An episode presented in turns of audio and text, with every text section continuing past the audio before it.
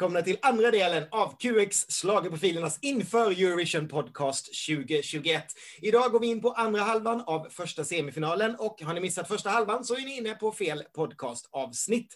Precis som vanligt så kommer jag och min kära vapendragare sätta betyg 0 till 5 tillsammans med Sveriges bästa panel. Och vem är då min vapendragare i den här podden undrar ni? Jo, den här veckan är det precis som alla andra veckor sedan 2007. Ronny Larsson. Ja, det... jag, jag försöker alltid komma på någonting roligt att säga, men det, det går inte att vara roligare. Då, då blir man ju bara jobbig. Så jag, det är klart att det är Ronny som är här vid, vid Kents sida. Vad härligt. Det var så jobbigt att byta det halvvägs in i den här serien. så vi, vi kör på samma så får vi fundera på det. Vi är ju såklart inte själva och alla ni som har koll på vilka låtar som dyker upp i det avsnittet vet att det så småningom kommer vankas lite Eurovision-feminism. Så vi tog chansen att följa detta något vaga tema och bjuda in två av de coolaste kvinnorna vi vet. Um, vår första gäst är själv popstjärna i 500 mil. Hon har tävlat i På spåret. Eh, hon har blivit Augustnominerad, och Stora radiopriset nominerad för sina program och böcker om pop och politik. Hon går att lyssna på i poddar som Fake och Anna-Charlottas popkedja. Och kanske framförallt i det här sammanhanget är hon en stor expert och älskare av Mello och Eurovision och gör ju bland annat radioprogram i år med min kära kollega Ronny. Välkommen Anna-Charlotta Gunnarsson! Woo! Tack så hemskt mycket! Det här är större än allt, så att, ja, det här är liksom, nu pikar det. Ehm, kan du snabbt sammanfatta vad det mest fantastiska är med Eurovision för dig? Åh herregud, ja det är ju faktiskt att eh, få inblick i musikstilar som eh, jag aldrig hör någon annanstans nästan. Det är som den här, ja men det är ju verkligen som att få en godispåse med, med musik som, som bara, jag, jag, fruktansvärda låtar och ljuvliga låtar och just det här att man eh, ändå måste äta allt. Var ja. det masochistiskt, eller? jag tyckte det lät bra. Jag, jag kan nog skriva under på den. Det var ja. härligt. Ja. Mm. Välkommen! Och eh, då ska vi släppa in vår andra gäst som ju snart har kommit ikapp Ann-Louise Hansson vad gäller att ha varit med i Melodifestivalen tillräckligt många gånger men som aldrig har fått hamna i Eurovision. Samtidigt så står hon faktiskt för ett av mina personliga eh, Eurovision-minnen, kanske ett av de största, för när jag klev in på eh, Euroclub på mitt första Eurovision jag var på i Helsingfors 2007 så hörde jag tusen utländska Eurovision-fan samstämmigt sjunga alla flickor på klingande svenska på ett dansgolv. Så välkommen schlagergolvens okrönta drottning Linda Bengtzing! Ja, tackar! Det känns nästan overkligt med sådana här presentationer nu. Jag blir så här, nej, vad ska jag sjunga? Jag kan inte texterna längre. Jag, jag blir nervös när du säger sådär. vad, vad är din relation till Eurovision? Är det normal eller besatt? Eller inte alls? Alltså, jag vet inte vad som är normalt. Alltså bland mina vänner så vet de knappt eh, vad det är. Om jag går till grannen och bara va? Nej. Medan jag själv inte skulle missa, eh, skulle aldrig missa det. Och dessutom på sistone så har jag ju fått liksom äran att, att tycka till. Och då har jag blivit så engagerad så att det är onormalt. Det är, det är perfekt förutsättning för, för den här podden tycker jag, låter det som. Ja. ja onormalt är vårt förnamn. Jag är så seriös att jag har tagit in en, ytterligare en expert. Jag har haft en expert som har hjälpt mig. Eh, så jag har lite extra kommentarer från en expert som dessutom sitter och sätter, han är hemlig, sätter odds och sånt. Så jag kan inte säga namn. En spöktyckare? Ja, precis vad jag skrivit i mina papper. Spökexpert. Det är underbart. Alla medel är tillåtna i den här ja. podden. Mm, bra. Vi kastar väl oss över låtarna direkt tycker jag. Och Ronny, du kanske ska berätta lite vad vi ska ta vägen först.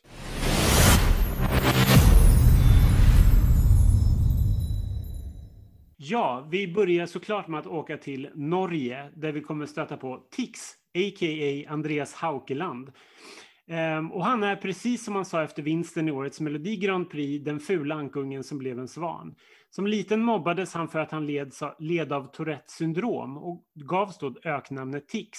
Men Andreas vände det negativa till något positivt och när han satsade på artistkarriär blev artistnamnet just Tix. Från 2015 gjorde han sig ett artistnamn genom att skapa studenthits till de populära russefesterna i Norge. Och han har haft 12 topp 5-singlar i hemlandet, varav fyra ettor och den här låtens norska version, Ut av mörkret, är en av dessa. Tix har varit med och skrivit Ava Max Sweet But Psycho och har pratat öppen om sin psykiska ohälsa.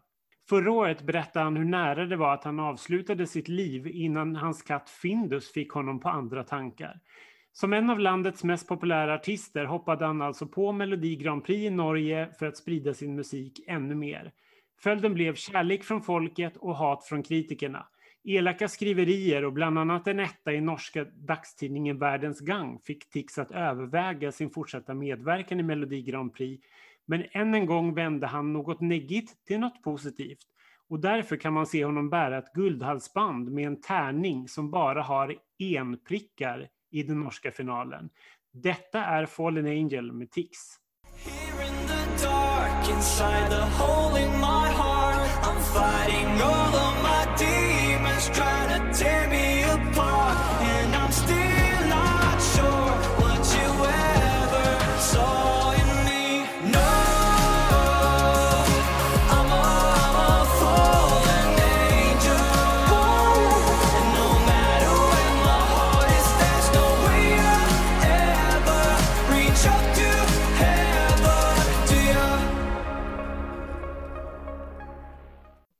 man vill ju vara eh, eh, kritisk och gnällig gärna och göra sån här start där man liksom river av ett plåster. Men jag kommer, det, är liksom, det här är något av det bästa jag har hört i Eurovision. Jag älskar den här låten. Det här är ju liksom framför allt då den norska versionen, eh, originalet, där eh, orden på något vis verkligen då är klistrade vid melodin. Jag tycker allting harmonerar så fantastiskt och det här vemodet är en så otroligt sorglig eh, låt och samtidigt någon form av hopp sådär. Jag, jag, jag, jag, jag vet inte hur många gånger jag har tittat på det här eh, bidraget och numret. Och jag tycker det är, det är ju så liksom, ja, det är ju på något vis sam, alltså avskyvärt fult med de här eh, fåglarna, vi, vad är det för något, jävlarna eller något, alltså, och, och, och hans vingar och allting. Och det är ju någonting som är med hela honom att det är det här eh, Eh, överdimensionerade tokvansinnet liksom. Eh, men också det som kontrasterar och det här som gör att det blir så hjärtskärande vackert. Jag, jag, jag, jag är helt betagen och eh, har kollat igenom efter att jag, jag visste ingenting om honom mer än att han hade sjungit med Samir och Viktor. Eh, så, men sen har jag kollat igenom allt han har gjort och blivit eh, ett fan skulle jag vilja säga. Ja, vad härligt. Eh, och eh, jag kan säga så här, när jag såg, när jag, när, innan jag visste något om honom och tittade på norska, jag satte på norska uttagningen då, på, eller finalen, och, och visste inte liksom hur det skulle gå med Kane och, eller Tix som ju då battlade. Och då tänkte jag med en gång, det här kommer jag avsky. Och så blev det som en sån knock när jag faktiskt då fick, eh, förstod att det här, det här var något jag bara, det gick rakt in i hjärtat. Så eh, ja, jag smäller till med en femma.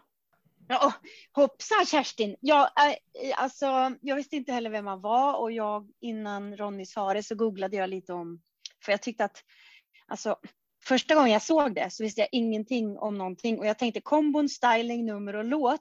Det, jag, det var som att jag gick på LSD. Det var ingenting som stämde och det var, jag kände bara hjälp. Men eh, jag tror också att kritiken från VG var det väl där. Den tror jag bottnar i att det här kan ju vara den mest onorska låten som Norge någonsin har tävlat med. Och det tycker jag är eh, positivt i det här fallet. Eh, jag tror klockren final, alltså asbra eh, placering. Eh, sen så tycker jag faktiskt att låten är ännu snyggare på norska för att jag såg en eh, en viss samhörighet med numret då. Då blev LSD-trippen lite mer eh, Svensson. Liksom. Så en fyra från mig.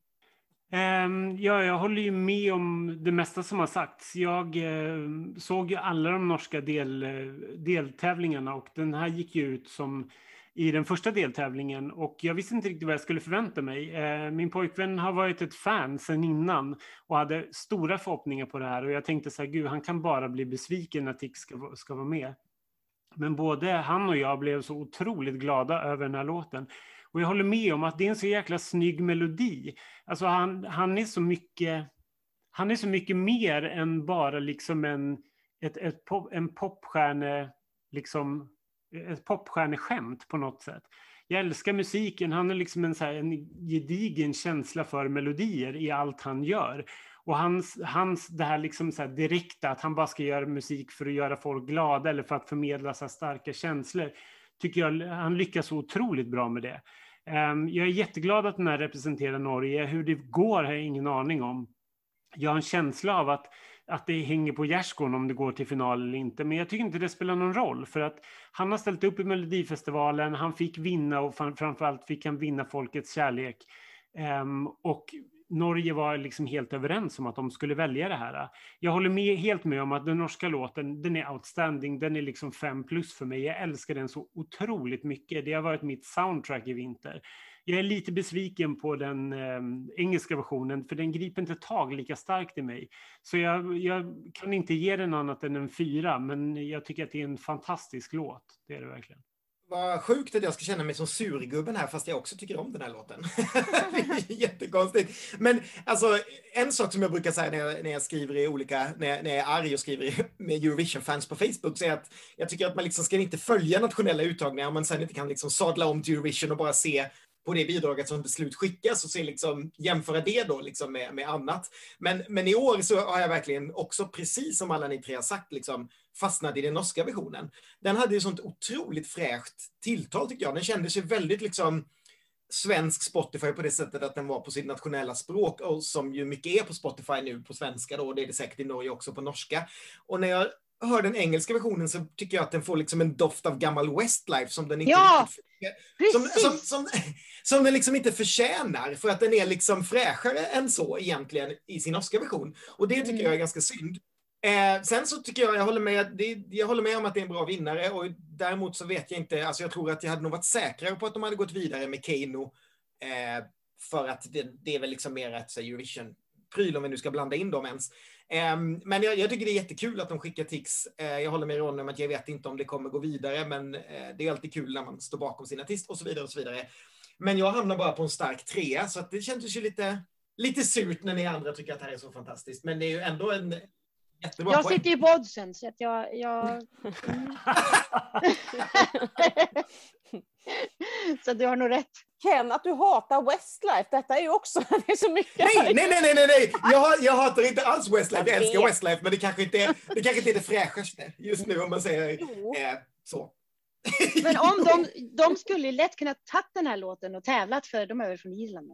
Mm. Ja, ja. ja, och tävlat med den i sin form, i sin gamla form och gjort supersuccé säkert. Skulle inte förvånat mig en sekund, men eh, norska är ändå bättre. Nej, men eh, hög poäng från Norge, kul start och jag drar oss vidare neråt i Europa istället. Vi hamnar i alla fall i Kroatien. Eh, I Kroatien så körde man precis som i Sverige på med sin vanliga uttagningstävling Dora, eh, men till skillnad mot här och i Finland och Estland och så vidare så blev inte Damir Kebso en av de tolv som fick tävla om årets vinst. Eh, det gjorde annars bland annat Nida Kraljcik, ni vet hon som vann pris för fulast kläder 2016 i Eurovision när hon sjöng Lighthouse i Stockholm. Och jag kan meddela att Nina var inte nöjd med att bara komma tvåa i årets Dora.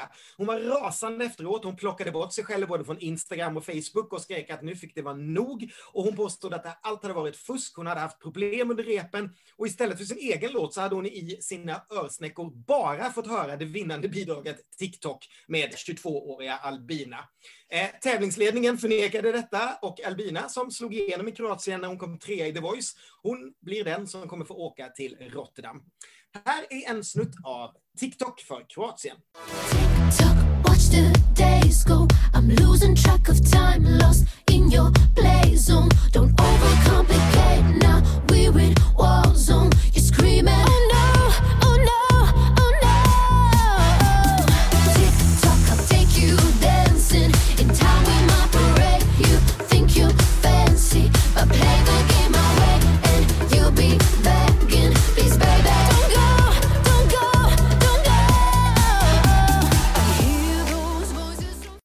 Alltså jag tycker att låten börjar så bra. Jag älskar när det börjar mörkt och man inte riktigt vet och hon klarar sången. Och det, är en, det är en bra, även om det är en ytlig och plastig melodi. Alltså, men sen brakar hela skiten ner i någon slags osmaklig balkansoppa. Hon ser livrädd ut. Melodin blir plötsligt något som man typ har hört tusen gånger och aldrig vill höra igen. Och, ja, och sen så börjar jag tänka så här, undrar om hon skulle känt sig lite tryggare om hon hade haft en strippstång där liksom. nej, nej, det, jag kan inte när jag har lyssnat igenom det om och om igen, nu vet man ju inte hur numren kommer se ut och, och så vidare och vilken form det ens kommer att bli. Men det spelar ingen roll. Det, ja, får man ge ja, ett poäng, säger jag. Jag tycker också att det börjar bra och egentligen har jag liksom inga invändningar. Jag tycker att här låten är helt okej. Okay. Men, men den, jag glömmer alltid bort den. Den tillhör alltid de här som jag bara, jaha, var den med? Just det. Den, mm. den liksom, det känns som någonting som så hade skickats in till Melodifestivalsjuryn och så hade det ratats och bara, nej men det var inte så dåligt men det är, ingen, det är ingenting som sticker ut liksom. Eh, och det är, det är liksom inget fel på det, men det är, det, det är värre att vara tråkig än, än, att vara, än att vara dålig liksom, i de här mm. sammanhangen, för man kommer, då kommer man inte ihåg det. Så jag vet inte, jag, jag, landar på, jag landar på en tvåa och tycker liksom att ja, men det är väl en okej okay axelryckning, men en axelryckning kommer inte ta en, ett land någonstans i Eurovision. Ja, nej, men eh, jag, kan, jag skriver lite under på det där. Den här låten valdes den 13 februari. Det har ju slagit upp, så jag, man har hunnit höra den otaliga gånger på Spotify, om man som jag då har en lista med alla Eurovision-låtar. Och ändå så minns jag aldrig den. När, är, alltså, när någon säger så här, jag kommer ihåg att den heter TikTok, men jag skulle aldrig kunna nynna på den. Jag bara, ja just det, den heter TikTok. Alltså, den, bara, den bara försvinner. Eh, så anonym så tycker jag att den är. Liksom. Och för, för övrigt är den ju klart bättre då än den där tvåan som hon eh, Nina hojtade om. Eh, den, eh, den är ju ännu sämre. Så de valde väl ändå, de valde väl ändå rätt. Var, jag, jag, måste bara nämna det, den där låten som hon Nina sjöng om, den handlade om en, en region i Kroatien. Och den här regionen hade en egen jurygrupp, men inte ens de gillade liksom Nej, men gud. låga poäng. Att det var liksom som Skåne, liksom Malmöjuryn skulle ge noll poäng till en låt som hette Fantastiska Skåne. Liksom. Så illa mm. var det med den låten.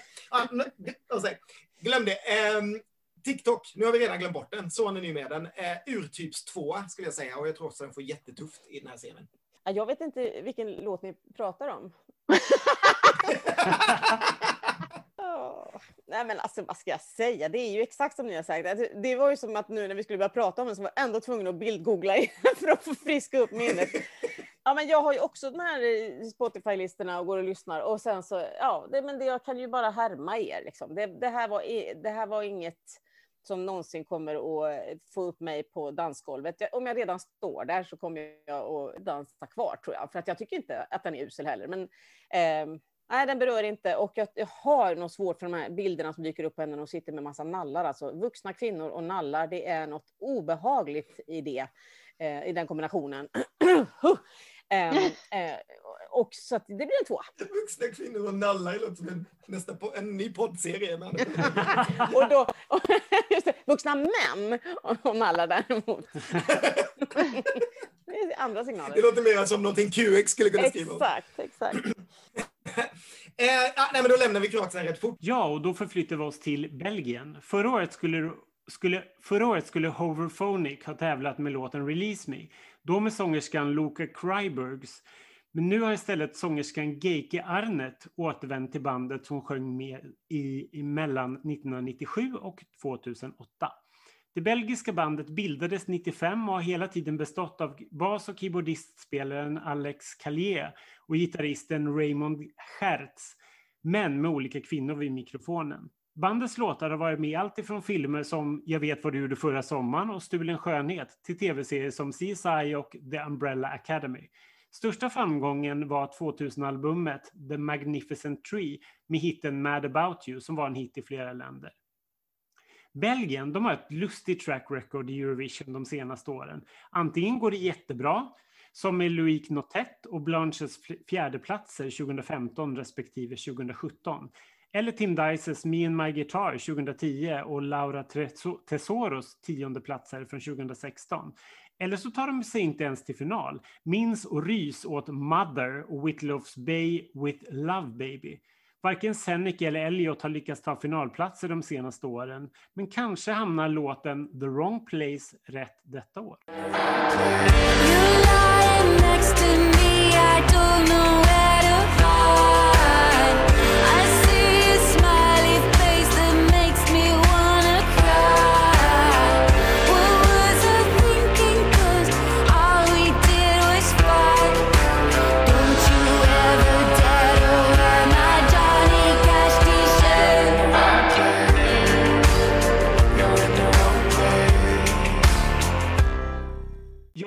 Här är ju inte min påse någonstans. Jag tycker att det här är ganska tråkigt. Jag, tyck, jag, eh, jag har fattat att de var ganska stora i slutet av eh, 90-talet, som jag, som jag nämnde, början av 2000-talet.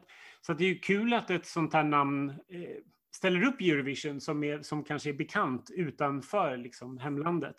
Eh, och de, de gör väl sin, liksom, sitt sound rättvisa genom att ställa upp med den här typen av musik. Däremot är det inte min påse och jag förstår inte riktigt hur det ska, hur det ska emottas av resten av Europa. Eh, det här är en låt som kanske skulle kunna förstärkas av ett, av ett väldigt snyggt nummer.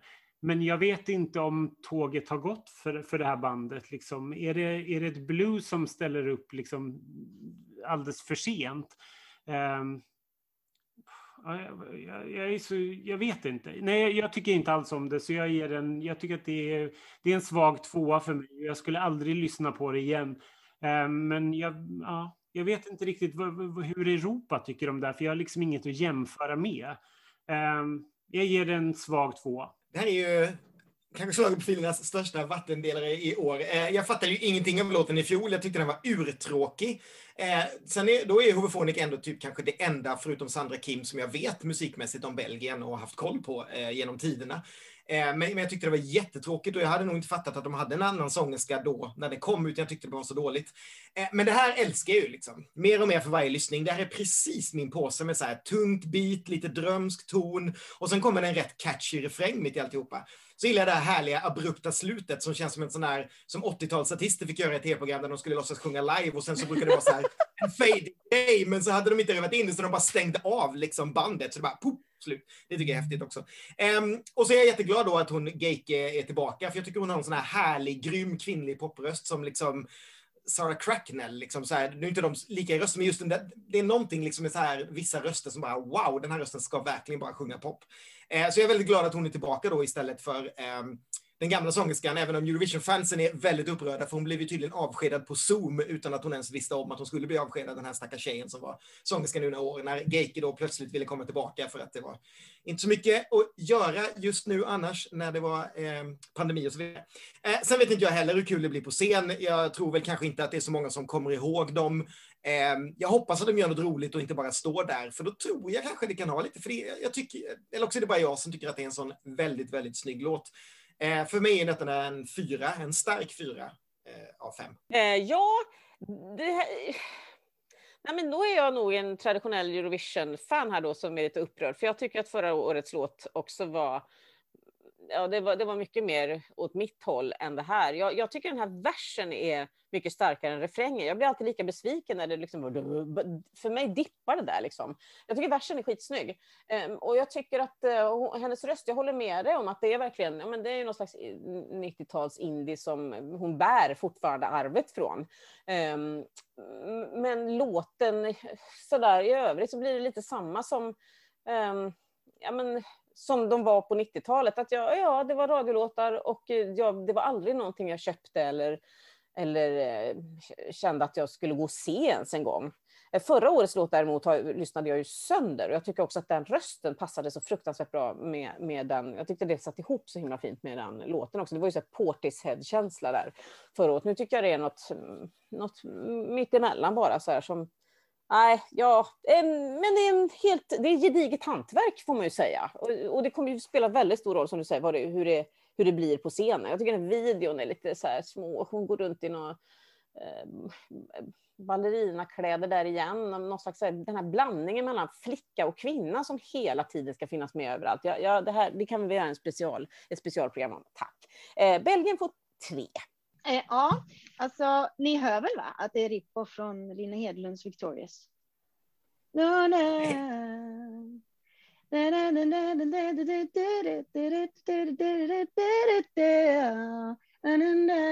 Alltså det är exakt lika samma vers. Det är, alltså det är copy-paste. Och dessutom, alltså, jag, känner, jag vet inte, jag blir lite som om jag, för videon kan jag inte se. Jag håller helt med dig, Anna-Charlotta, för jag, jag får inte ihop den videon. Jag, nej, och blundar jag så somnar jag. Så att jag måste ändå titta. Men visst är det konstigt det här? Nej, För jag förstår inte riktigt varför hon ser ut så. Alltså jag, det blir Nej, så det stämmer inte. Det är något som inte stämmer. Men Eh, och jag somnar ju för att jag tycker att eh, låten är inte jättekul. Men jag har ju inte, jag sitter inte på all den här info. Ni bara langar info. Jag kan ju känna lite så här. Ja, men tänk om vi skulle skicka Johan Kinde till Eurovision. Hur bra skulle det gå? Det känns lite som att de gör det på något vis. Att så här, ratata, vilka folkhjältar, de skickar vi. Nej, det skulle ju bli katastrof. Eh, Det här känns som att det är en liten, liten, liten klump som gillar Kenny och några fler. Och sen... nej, nej, jag- eh, alltså jag, nej, två. Mm, Eller det kanske skulle jättebra om vi skickar Ratata förresten, men alltså nej. Johan Kinde och Ratata, då, då har du bytt ut Mauro Scocco, det blir perfekt. Det är lite Ja, nej, men jag jämför bara dem att det är liksom två, de kanske har gjort klart liksom. Mm, De mm. kanske är klara. Mm. Den, Mauro Scocco i till. Mm. eh, eh, nej men det här är ju roligt när man tycker så olika. Det ska bli väldigt spännande eh, och se vad de gör av det här. Och eh, vi fick ju också en, ett litet scoop här. Eh, en plagiatanklagelse från Linda Bengtzing riktad mot ja, men det, Belgien. det, ni måste lyssna. Det är kanske en hämnd från Belgien eftersom eh, Friends anklagades då 2001 för att ha kopierat en gammal belgisk låt som hade varit med i Eurovision. Ja, vara. cirkeln är sluten av Hooverphonic kan man säga. Ehm, ja, vi lämnar Belgien och så drar vi vidare till landet som senast fick arrangera ett Eurovision, nämligen till Israel. För ända sedan Nadav Guedj smällde till i Wien med sin Golden Boy så har man i Israel använt vinnaren av talangtävlingen Hakokhav Haba, som betyder nästa stjärna, som eh, uttagningstävling för sin Eurovision-representant. Och förra året så eh, vann 19-åriga Eden Alén, eller Eden Alén, och hon skulle då representerat med låten 'Fekker Libi. Eh, I år ger man samma tjej chansen och man eh, istället för att anordna den här uttagningen igen så gjorde man bara en uttagning för att välja låten och valet föll på låten Set Me Free. Det var dock den minst populära låten bland fansen och landet tokrasade på eh, oddslistorna. Så nu inför Rotterdam så försökte man piffa upp låten med en eh, helt ny version och då har man bland annat lagt till en ton som sägs vara den högsta tonen som någonsin tagits i tävlingens historia. Spännande, spännande. Eh, här är Eden med låten Set Me Free. Set me free,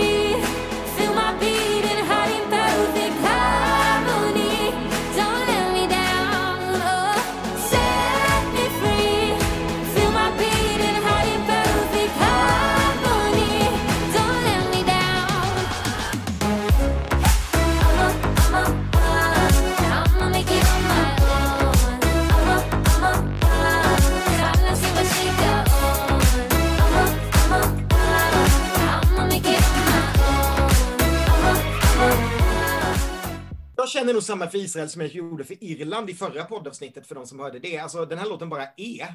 Den ger mig absolut ingenting. Eh, låten förra året gillade jag faktiskt inte heller nu när jag tänker efter. Men den gav åtminstone henne liksom en liten identitet som artist. Den hade någon sorts... Eh, ja, men den, den, den hade liksom en, en identitet som låt, även om inte jag gillade den, som jag kände så här, okej, det här fattar jag varför hon gör. Det här tycker jag bara är en axelryckning. Eh, och det känns verkligen som de försöker polera upp den här bajskorven hur mycket som helst bara för att det ska bli någonting av det. Eh, men jag, jag tror ju inte att vi behöver vara rädda för att få åka till Tel Aviv igen och jag tror knappt vi behöver vara rädda för att få Israel i final om de inte gör någonting riktigt, riktigt häftigt på scen. Ehm, men jag har nog ändå lyft den från min ursprungliga tanke på att ge den ett poäng till två.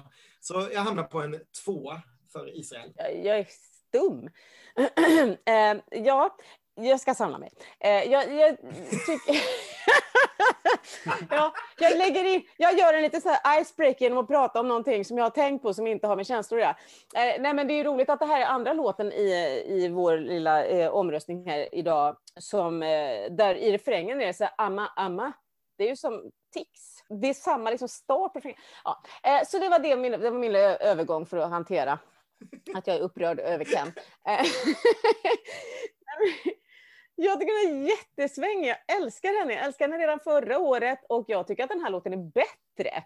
Så att eh, jag förstår ingenting. Eh, och så tycker jag den här ljusa tonen på slutet är så jävla snygg. Alltså det är liksom Ariana Grande på henne där. Så att jag, jag gillar henne och jag tycker videon är skitsnygg och jag hoppas verkligen att det här numret blir precis så här levande och nu kommer jag låta precis så gammal som jag är, men ungdomligt. Jag tänker att det här är någon slags så här framtidskänsla i den här och jag tycker hon kombinerar så mycket av liksom det som jag tänker är så här, fan vad härligt liksom. Eh, gränslöst och liksom tar in influenser från alla möjliga håll och kombinerar och nej men fan det här är skitbra! Fyra! Jag gillar det här. Jag tycker att det är, det är svinsnyggt, det känns fräscht. Eh, ja, men lite up to date. Jag älskar introt också på den här. Och så hoppas man ju att åh, låt det nu komma någonting som, som sticker ut. Men det gör det ju inte, för det, det blir halvbra pop.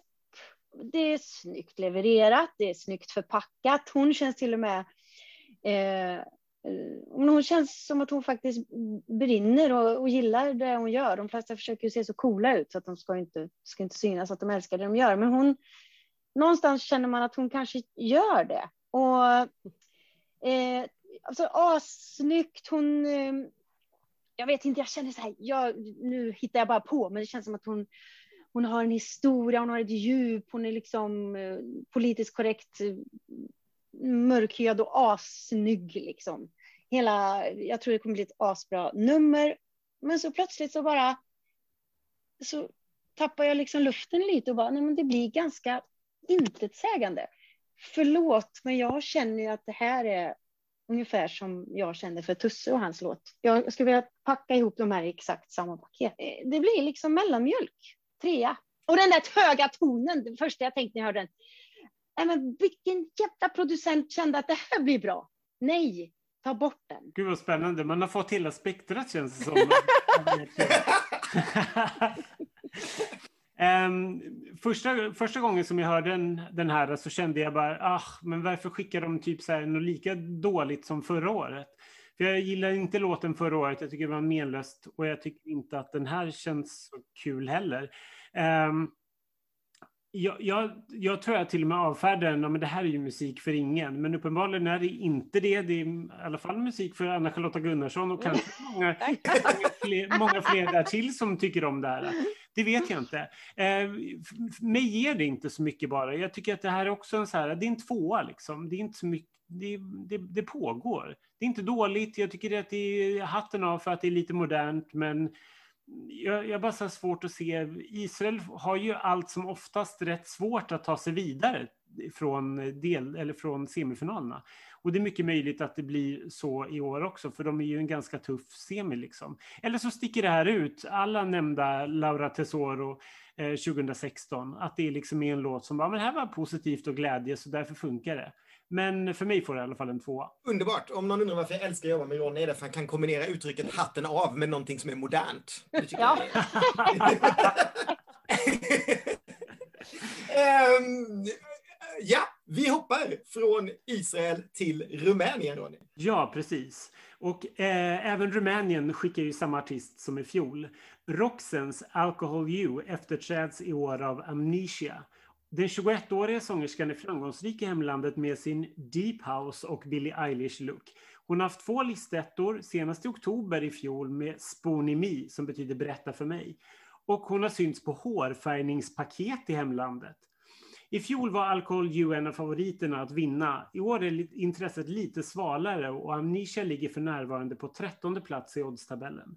Efter jodelsuccén 2017 kvalificerade sig inte Rumänien 2018 eller 2019 och de jagar fortfarande sin första vinst sedan debuten 1994.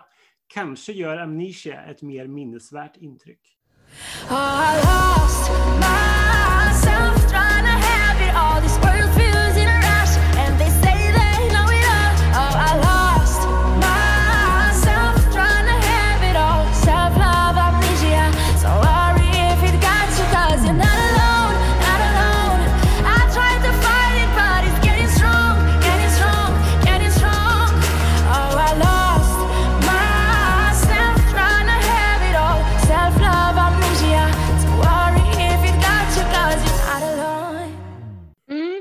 Jag kommer ihåg att jag tänkte redan förra året både på henne och på, och jag kommer inte ihåg vem den andra var, men någon som satt under en, ett träd på en parkbänk. Det var Bulgarien. Victoria. Ja, Billie Eilish wannabe också. Om man säger. Då tänkte jag så här, oj, undrar hur länge det här ska hålla i sig. Jag är så glad att det håller i sig, för att det känns som att Billie Eilish kommer ju ingen bli. Men det är, en, det är fasiken en bra flod att ösa ur alltså. För det här känns eh, modernt, den är härlig, den känns radio, den känns nerkabbat. Jag vill liksom öppna fönstren, låta eh, sol, jag vill hälla upp lite rosé och blanda med Fanta Limon Zero. Viktigt. Eh, eh, men eh, man börjar ju lite känna så här att Eurovision borde ju kanske byta namn till Andra chansen på något vänster. Eh, för det är väldigt många artister nu som, som får andra chansen för att det inte blev något på något vis.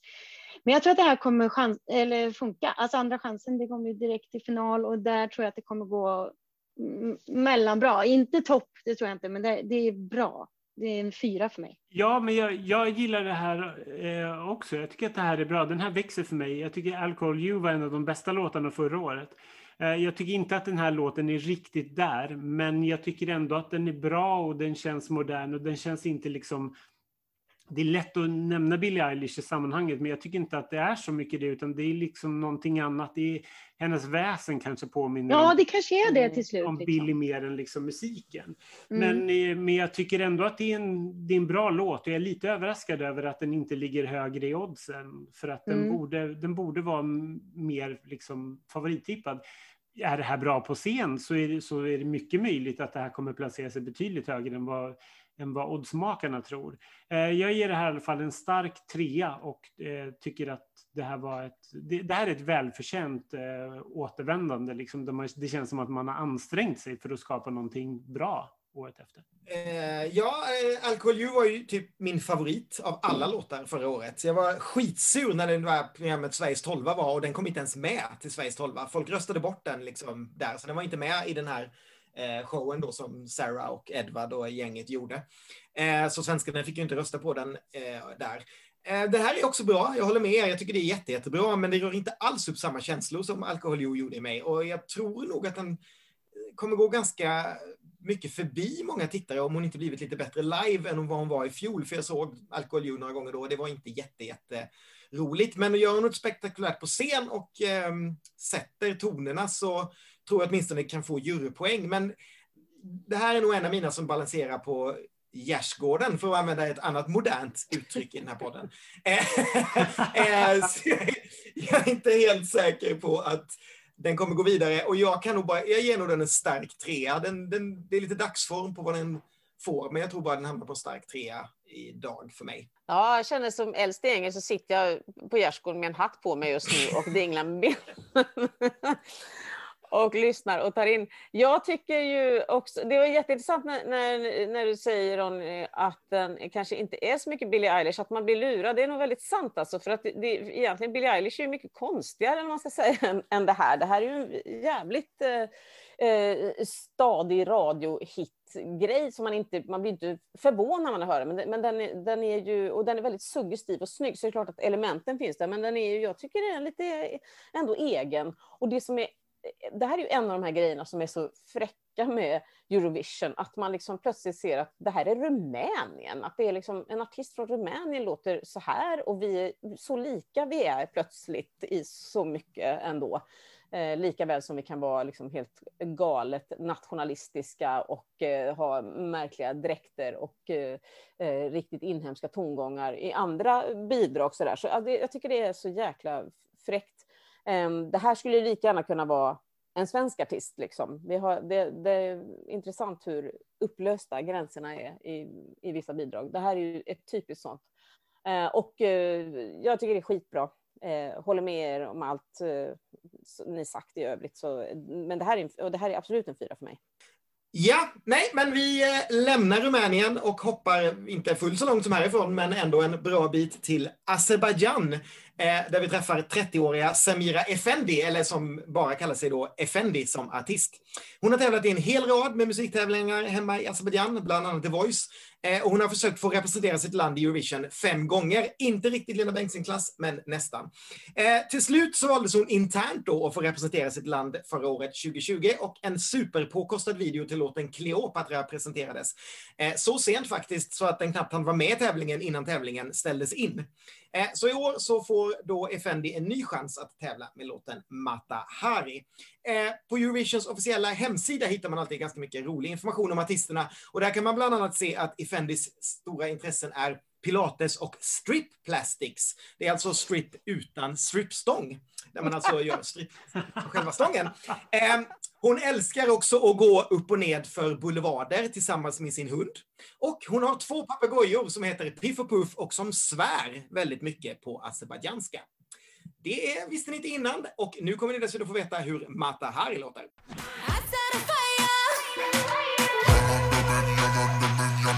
I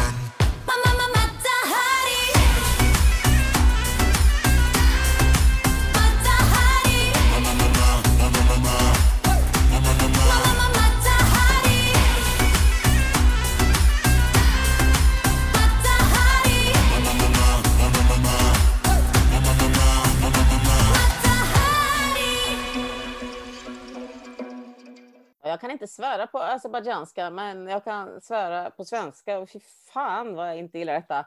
Eh, jag tyckte förra årets låt, Cleopatra, var eh, väldigt mycket bättre och tuffare och alla möjliga grejer. Det här får jag sån här, jag blir, åh, jag är så besviken och jag tycker det är så tråkig. Eh, du brukar prata om slynpop ibland, Ken. Så där får man säga det det, är Ronny som har myntat det uttrycket. Är Det det får man alltid har- använda här. Ja, och det är ett positivt uttryck. Ja, Är precis. Ja, jag, jag älskar det. Jag, man förstår ju precis vad det betyder. Alltså, fy fan, ja, det är precis så jag tänker. Men det är tyvärr att jag, jag, jag, jag får någon slags så här i, i, intellektualitetshybris, som man kan säga. Så att jag tänker så här, men fy fan vad jag, mina fördomar när du säger att hon går upp och ner för en boulevard. Ja, och att det är ett intresse. Exakt så känner jag när jag hör det här. Och det kan vara jättebra i popsammanhang. Man behöver inte ha någon högre nivå än så och, och sträva efter. Men jag, jag, nej, det här är, ger mig ingenting. Och eh. Eh, sen så är det så här, jag är inte sämre än att jag hör att det finns ett hantverk och att, det, att hon eh, är skojig och eh, lite Army of Lovers-referenser och grejer. Så att eh, rent professionellt kan jag inte sätta en etta, utan jag sätter en tvåa. Jag blev jätteglad nu när Army of Lovers-kören kommer in. Jag blev jätteglad. Det kändes som, åh gud, hela låten från noll till hundra. Men det räcker ju inte. Eh, jag är helt fascinerad av att någon från Azerbajdzjan då, som förra året, jag älskade också Cleopatra. Jag, jag gillade hela, och videon och hennes Mm. Power och allting. Ja. Och i år är det som att den är bortsuddad. Men hon är då från Azerbajdzjan, sjunger om Kleopatra som ändå var en härskarinna liksom. Och nu går hon över till Matahari som ändå var någon slags holländsk spion och blev dödad väl, avrättad för det. Man bara, "Va- vad går hon i? Jag trodde att Kleopatra härskade styrka och sen bara, jaha, en oskyldig stackars dömd kvinna som kanske inte alls spionerat, kanske spionerat på en billigare banan på marknaden. Man bara, vad är det här? Det blir så konstigt och jag, nej, jag vet inte. Det känns som att hon gör en så mycket bättre version på sig själv från förra året. Men eh, det är synd alltså. Kan hon inte bara ta Cleopatra i år igen bara? För det är samma, samma låt. Jag säger två. Ja, jag tycker det är så märkligt att man liksom har tagit exakt samma låt och gjort, någonting, gjort Ja. någonting. Liksom. Det, det, det är det, det som jag reagerar mest på. Att, men, men varför? Tyckte man att, att förra årets satsning var så framgångsrik? Det vet vi ju inte. Så att man liksom kör det spåret en gång till. Och jag får liksom alltid känslan när det är från, från typ Azerbajdzjan att man liksom fattar inte vad man sjunger utan man tar bara Nej. liksom så här, man tar bara ett namn. Det här passar jättebra, mamma, mamma, mamma, Tahari liksom. Men, men man skiter helt i vad det betyder eller någonting. Mm. Det är så märkligt.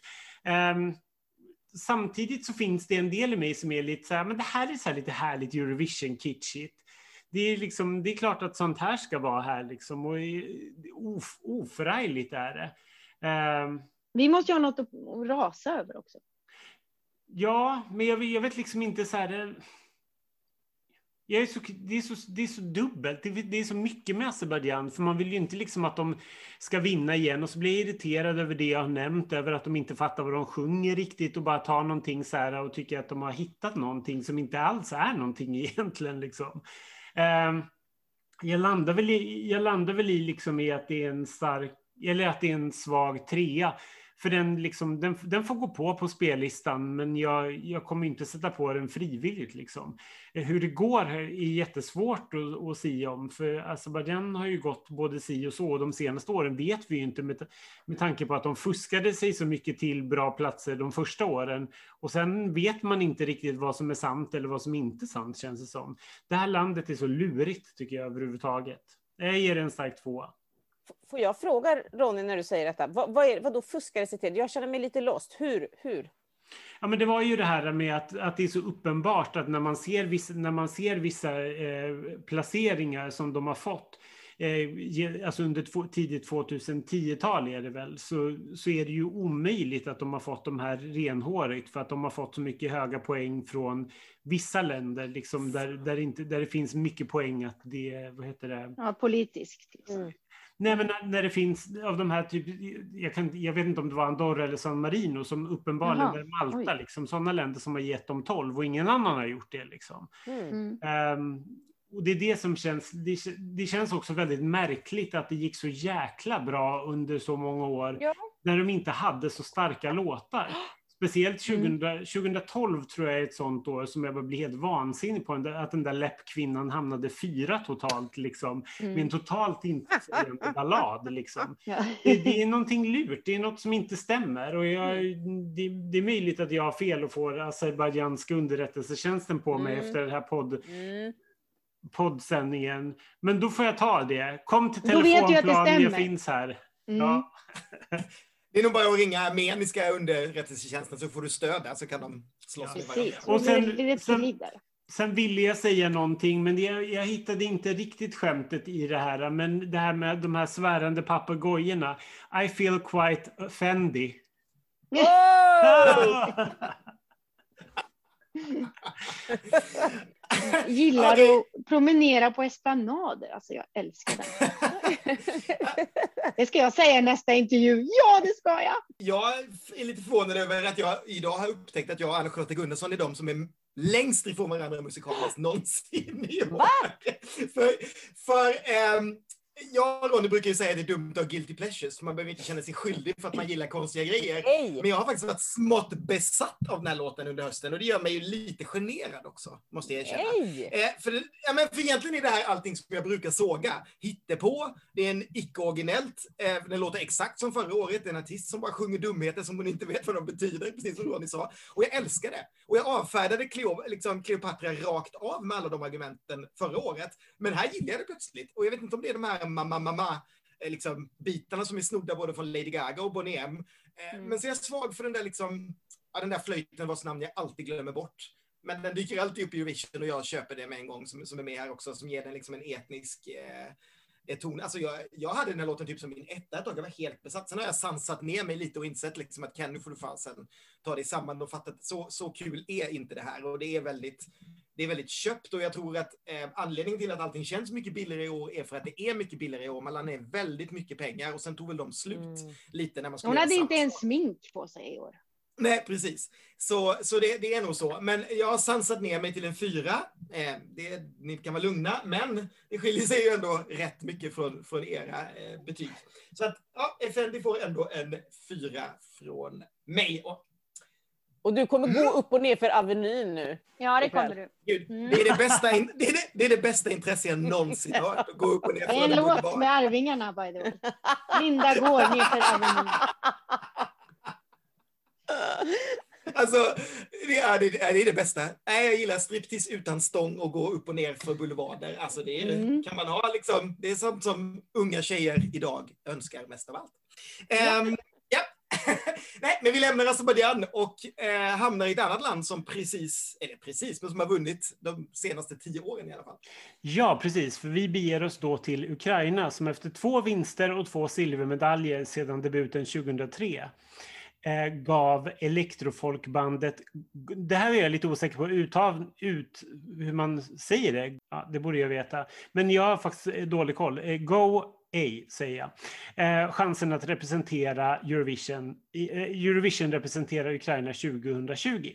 När tävlingen då ställdes in så fick bandet som bildades 2012 chansen på nytt. Bandnamnet betyder tillbaka till rötterna och kommer av engelskans Go plus A som är alfa, vilket betyder början av allt. 2015 hade de en superhit i hemlandet med Vesnianka. Och när de ställde upp i den ukrainska uttagningen i fjol gick allt vägen och låten Solovej var både folkets och juryns favorit. Årets låt Shum, som betyder oväsen, har förändrats sedan den först släpptes eftersom den byggde på folksånger som sjöngs under skogsdyrkande ritualer i Ukraina. Och det är inte tillåtet att framföra verk som bygger på existerande material. Så nu är Shum mindre intensiv och bjuder på mer positiv energi. Vissa hävdar att den har blivit sämre och kvartetten tillhör inte segerkandidaterna. Detta är Shum. Прийде, прийде весняночко, та й не забарися, а ми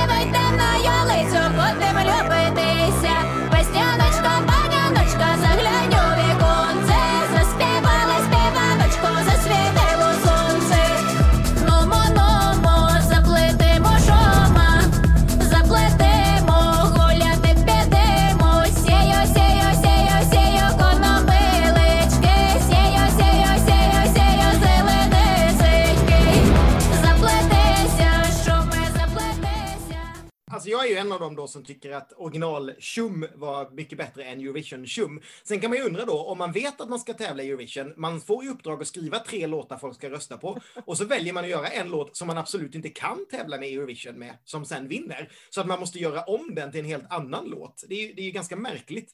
Eh, sen älskade jag också den första videon de gjorde som var lite så här covid-inspirerad, där alla stod liksom i full plastmundering och bara en person dansade. Den är helt genial, så titta hellre på den än på den som ligger på den eh, officiella Eurovision-sidan om ni får chansen.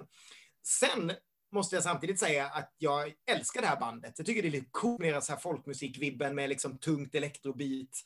Eh, så att det här är liksom fortfarande på min övre halva, om man säger så. Eh, Så jag har brottats lite med om jag ska hamna på en tre eller fyra. Det är lite dagsform på det också. Jag är mycket dagsform känner jag idag. Eh, Men idag är nog Shum bara en trea, tyvärr. En väldigt stark trea, eh, men det är ändå bara en trea. Ja, jag tycker ju det roliga var att så här, när den här låten presenterades i sin, ursprungsform så var jag så här, ja okej, alla, alla mina vänner gick bananas och tycker att den var helt fantastisk. Jag var bara så här, ja det här var ju spännande liksom. Och så, så när den nya versionen spelades upp så jag var jag bara så här, jaha, är det någon skillnad på dem? Jag, jag märkte inte det, vilket, vilket jag skäms för ganska mycket. Jag tycker att det är, men sen har jag lyssnat på båda två och inser att ja, men den, den förra hade ju mycket mer, den kändes mycket mer spännande och den här är ju som jag sa lite, mer, lite mindre intensiv och, och har lite mer liksom, positivare vibbar på något sätt.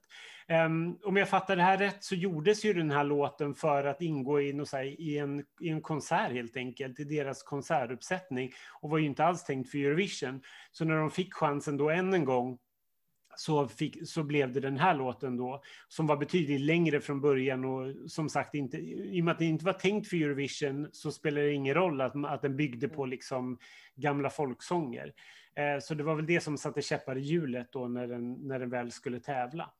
Men Eh, med det sagt så tycker jag nog att ja, men den, är, den är helt okej. Vilket känns så här fel att säga för det är inte en låt som man kan säga att man tycker är helt okej. Utan antingen tänker jag att man hatar det eller så älskar man det.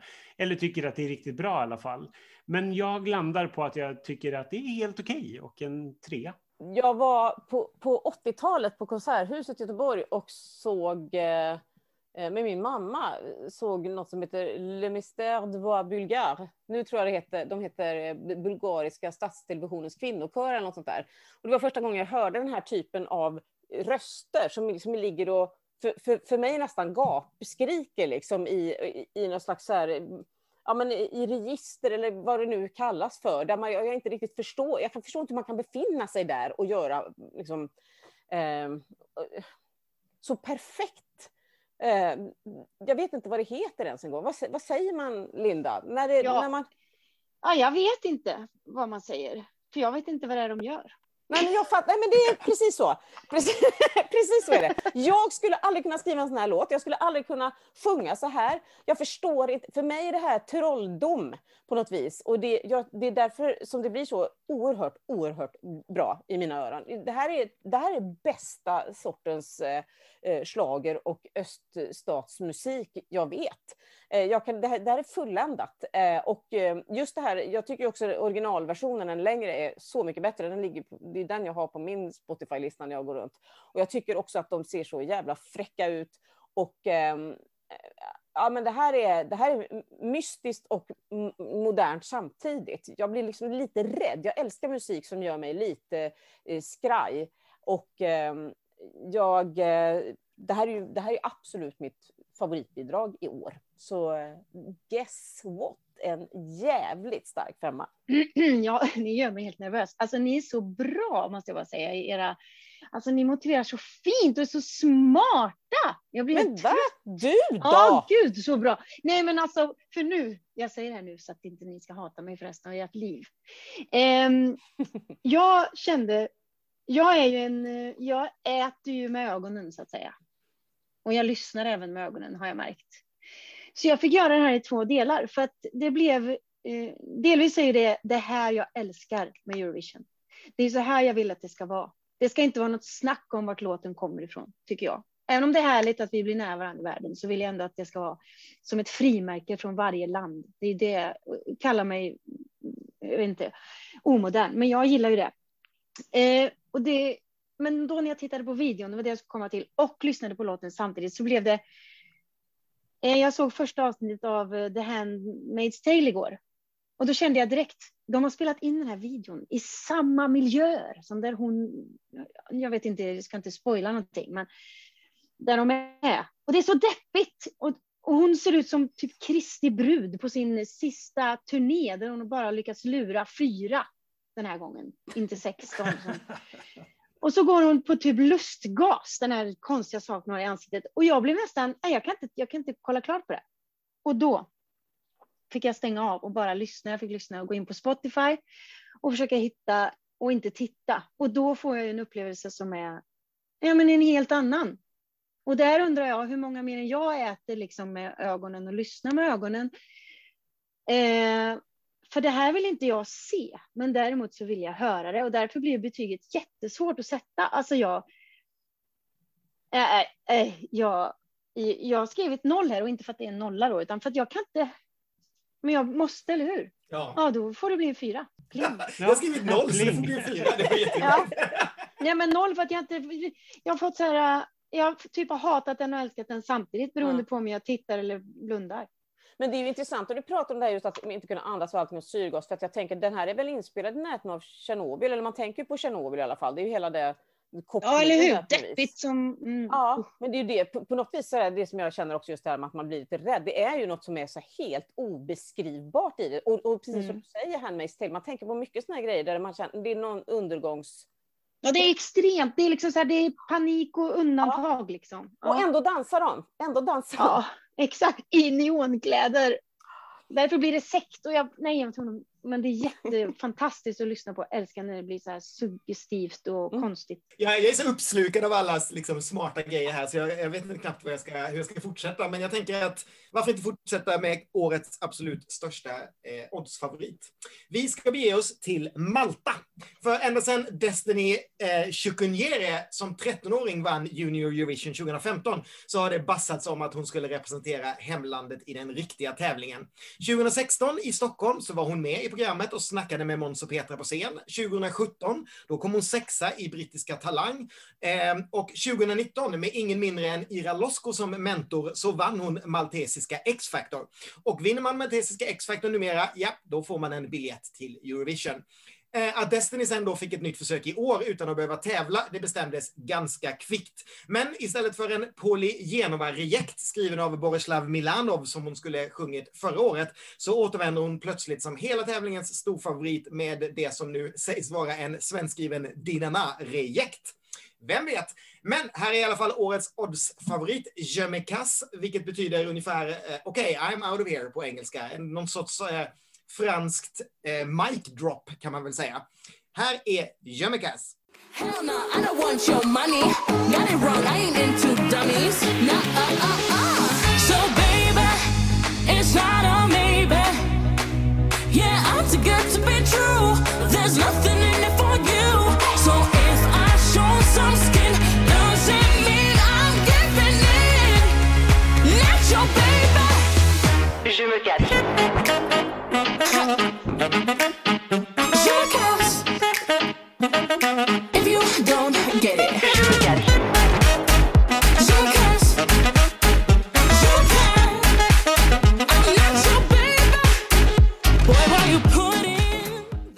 Ja, och det, det, ögonblicket som jag hörde den här första gången så kände jag så här, ja men det här kändes som någonting, det var fräscht, det var kul.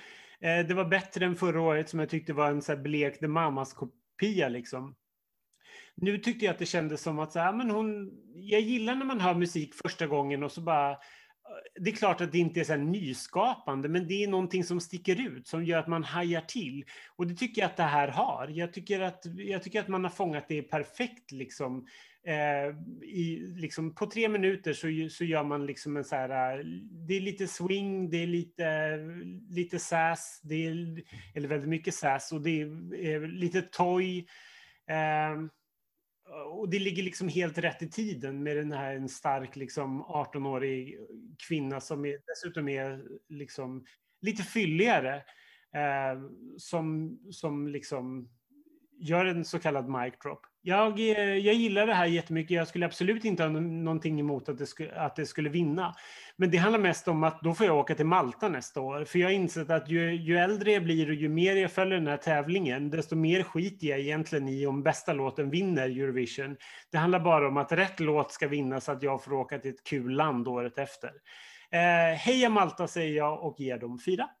Eh, ja, men jag fortsätter eh, det här då. Det här är ju min stora favorit i år. Gud vad originellt eh, eftersom den typ är jättefavorittippad. Men jag har varnat för Destiny sedan 2015 för att hon sjunger ju fullständigt briljant och förmodligen är jag dum i huvudet för jag satte inte en spänn på henne innan Kör med släpptes. Men det var nog för att jag var uppslukad av den där menlösa gospelgrejen som de skickade med henne i fjol som bara kändes som så här jurymynta, hon ska stå och bröla ut någon liksom gospelgrej som inte alls passade med liksom hennes ålder, hon kändes gammal. Eh, jag bara tänkte så här, nej, det där, det där kommer inte funka, men det här är ju något helt annat. Jag tycker att de här elementen som var så hemska med Electrovelvet, de känns ju liksom i den här låten som om Ariana Grande gjort en cover på Semir och Viktors Shuffla eh, och typ stoppat in den i en så här Trolls 3-film. Så det, jag, liksom, alla element som egentligen inte skulle vara moderna tycker jag känns liksom kul.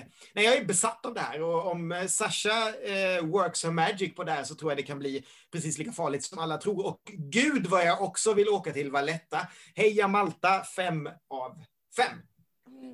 Som ju då visar sig stå långt ifrån dig som sagt. Ja, nej, men alltså det här, får, jag får lite så här, jag gillade ju inte Netta heller och det här är verkligen, eh, någon, det här är så här,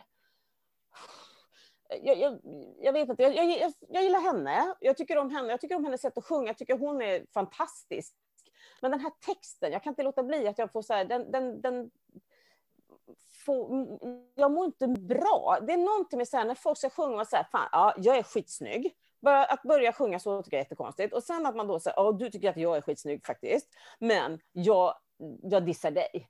Eh, och så förstår jag inte riktigt varför. För jag förstår man varför hon absolut inte vill ha den här? Eller bara, bara för att den personen kallar dig honey, är det därför? Eller vad, är det, är du, jag förstår inte varför, det, varför hon måste skjuta bort personen. Är det någon som kan förklara det för mig? Jag har inte gjort den textanalysen. Ja, men jag kan ringa Matta Hari och fråga. Eller Kleopatra. Kleopatra. Nej men jag fattar inte, för det är okej om det är så att det är någon som försöker för, eh, spetsa hennes drink och att det är någon, någon som försöker liksom lura med henne hem, då är det ju liksom verkligen, eh, då är det ju en verkligen bra feminism i den här liksom. Men någonting med det här som jag inte riktigt gillar i låttext, jag har aldrig förstått det när man ska vara så jävla ego eh, och samtidigt otrevlig mot någon som uppmärksammar en. Jag- Nej, don't like. Och så tycker jag inte om luftblås. Jag gillar inte luftgitarr, men jag tycker ännu värre om någon som försöker spela någon slags lufttrumpet eller vad fan det är. Eh, och i någon slags Vaya Condios eh, air runt Ja, hela den här är det. Det är låten. Vaya Condios är. Mm, Där det satte du det. Tycker jag inte alls om heller, måste jag säga.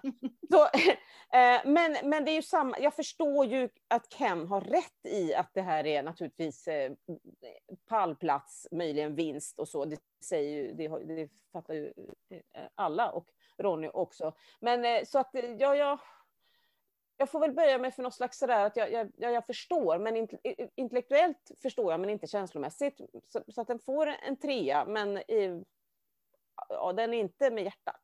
Eh, jag fick ju, för mig var det ju en nyhet att vi hade gått via eh, dina nas vener. Jag har ju svårt att se det eh, faktiskt, när jag nu har sett detta. Men eh, det ska ju nämnas att det finns ju många låtar som gått genom mina vener och det att man ska vara glad över. att det inte blev så. Men eh, hon gör en rättvisa. Det roliga är att mm, Anna-Charlotta, det du säger om texten, det är så kul, för jag sitter som en fisk och bara, alltså jag har inte ens lyssnat på texten. Hur är det möjligt? När jag hakar upp mig fullständigt på den eh, holländska spionen. Men ja, men så är det nog, att jag är eh, en ganska schizofren typ i musik. Och här är det någonting som slår an som jag inte kan styra över. Jag kan inte säga så här, ah, det är en jättebra melodi, den känns fräsch, den, är, den har skopat sig ur Bill Eilish hymn. Utan den bara slår an en ton i mig som jag gillar, jag blir glad av den.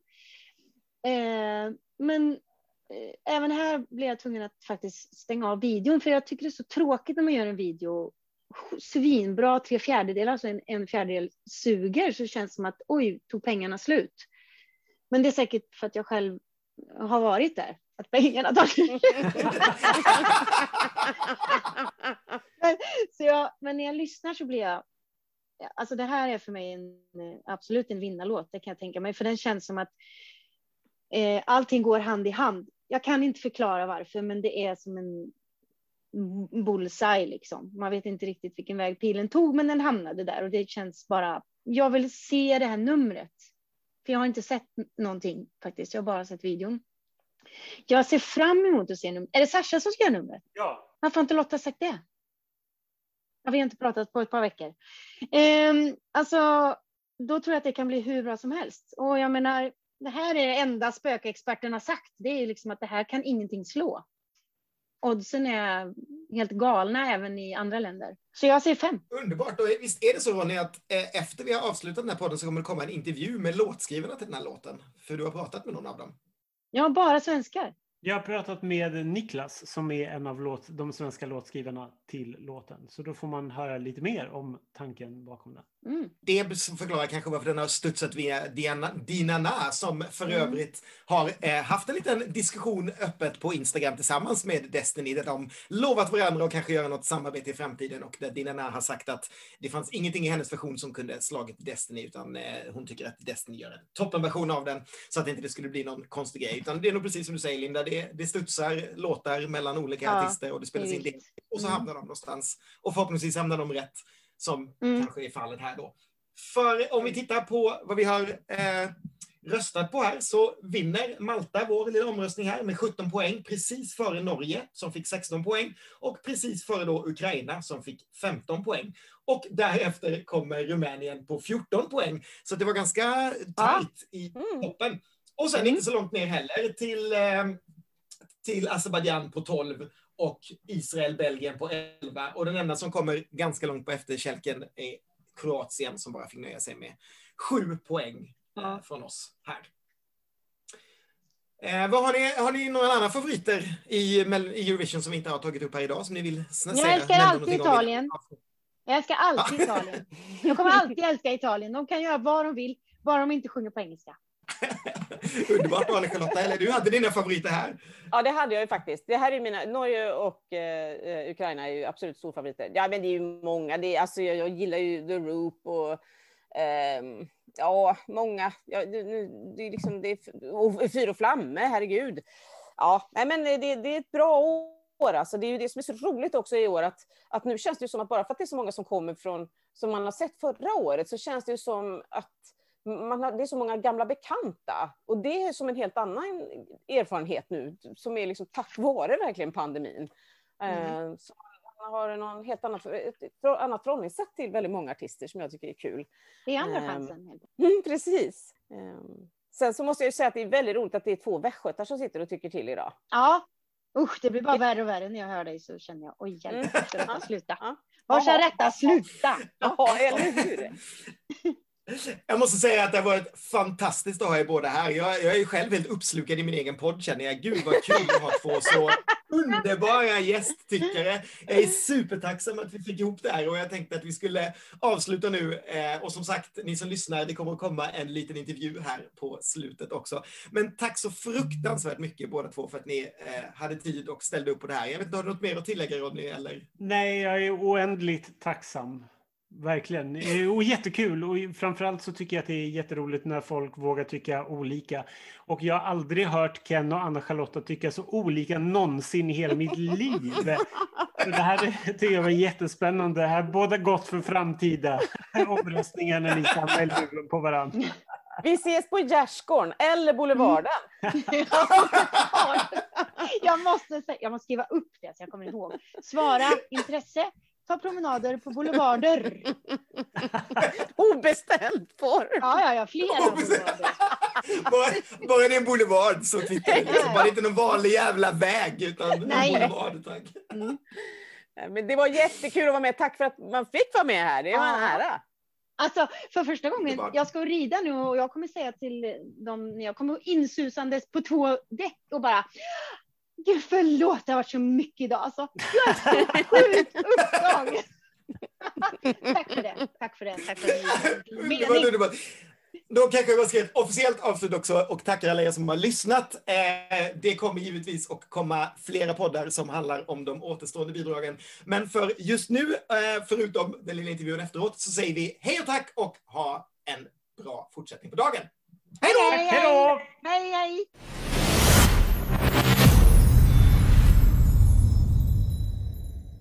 Hur kommer det sig att ni gör Maltas låt? Så det är du, Malin Kristin, Emanuel Dermont och Pete Beringer som har skrivit låten? Precis. Eh, det började egentligen med att vi, eh, vi hade ett camp här på eh, Starlab som är förlaget som jag sitter med. Där vi hade bara som fokus på att skriva låtar mot Eurovision. Jag tror just det specifika campet var för Eurovision, men vi har haft liknande för Melodifestivalen och så. Eh, Så vi skrev den då eh, med, då hade ska vi säga, det var ett samarbete även med eh, VB Music, tror jag de heter, ett förlag, och eh, DWB som är ett brittiskt förlag, som båda de jobbar ganska mycket med eh, ja, Eurovision överlag. Så. Mm. Så tanken var att få fram låtar och sen skulle de pitcha dem vidare mot olika länder. Eh, och eh, låten skrevs ju för ett par år sedan, men så jag vet den har forit runt lite faktiskt. Eh, men sen var det Malta som nappade på den. Eh, ville ha lite ändringar, så vi eh, skrev om en del saker. Vi, det var bland annat några race på text som ändrades. Eh, dock så tror jag att det var originaltexten nästan rakt av som, som användes faktiskt. Okej. Men när skrevs den då? Alltså när var det här? Eh, jag tror det var 2018. Okej. Hade ni liksom någon förlaga eller någonting som, ja men den, den ska låta ungefär så här liksom? Eh, oftast är det ju så att man har någon, alltså det kan vara att vi får en lead från ett skivbolag till exempel som har en artist som säger att vi vill ha en låt som är i den här världen eller med en hook som det här eller liknande. Just i det här fallet tror jag faktiskt var helt från scratch där egentligen jag Eh, jag har inte producerat låten, men jag producerade låten i session. Alltså, jag gjorde bakgrunden medan vi skrev. Eh, och då fick vi feeling på någon lite så här eh, swinggrej liksom. Eh, jag hade lite samplingar som vi testade och jobbade med och så skrev den sig nästan av sig själv låten. Liksom. Okej. Det var väldigt smärtfritt. Eh, Alltså lät den så här från början eller har den ändrats väldigt mycket från, eh, från liksom hur den lät från start? Eh, ganska mycket som den lät från början. Eh, det som framför allt är stora skillnaden är eh, sticket.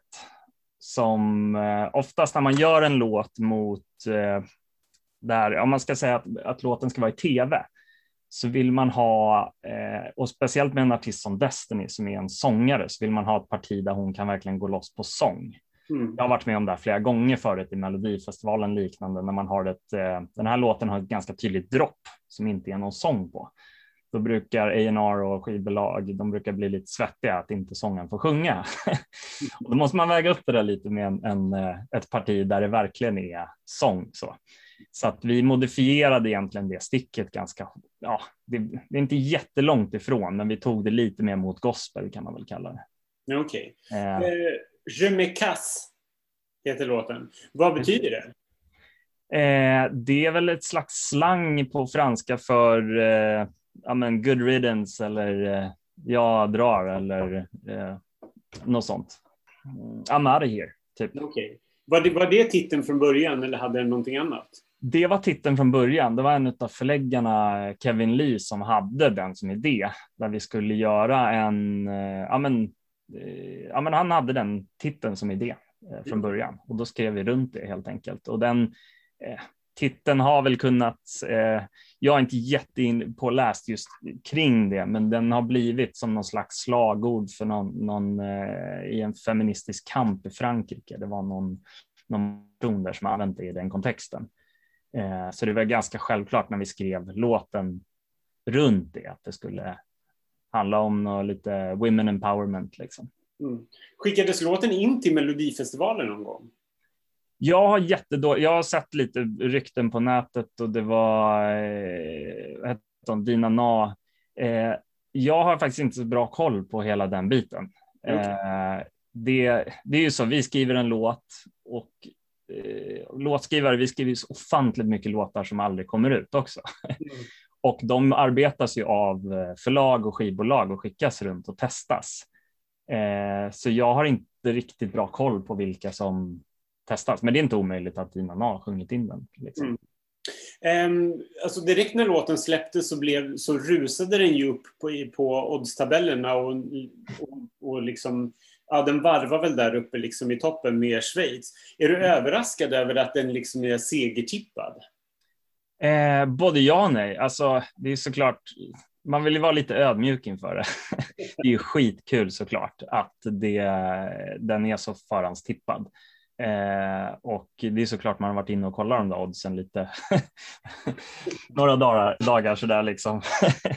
Men eh, sen är det en låt som fördelen med låten är att den, den har partier som överraskar för varje del. Så första och andra lyssningen för folk så blir man väldigt, det är en ögonbrynshöjare liksom. Mm. Eh, många låtar i popvärlden är ju ganska förutsägbara. De kan vara jättebra, men de är förutsägbara. Och när det kommer till kanske Eurovision eller Melodifestivalen så där, det handlar så mycket om första intryck. Mm. Eh, och jag tror den här låten vinner väldigt mycket på att ingen kan förutse vad som händer. Mm. Eh, plus att den är väldigt dansvänlig. Hon sjunger ju så otroligt bra på den. Eh, så att jag tror en kombination av det där. Och att det känns fräscht. Det, det kan ju också vara att har du en låt som inte är så mycket annat i eh, vad du har för konkurrens så sticker man ut där också. Det är bara att titta på Schweiz också. Den känns ju ganska egen. Även Frankrike som jag tror ligger ganska högt upp har en väldigt klassisk fransk eh, baguette under armen låt liksom. Men den känns bra och den är ascool liksom. Hur, eh, kommer du åka till Rotterdam eller liksom, hur, hur gör man som låtskrivare? Eh, vi får se. Det är, jag vet inte om det är 100 procent satt, eh, hur, om de kommer genomföra den, eh, eller hur de kommer genomföra det i Rotterdam rättare sagt. Eh, vi har väl sagt lite sådär att om det handlar om att åka till Rotterdam och sitta på ett hotellrum, då kanske vi hellre styr ihop någonting i Sverige och gör någon fest av det.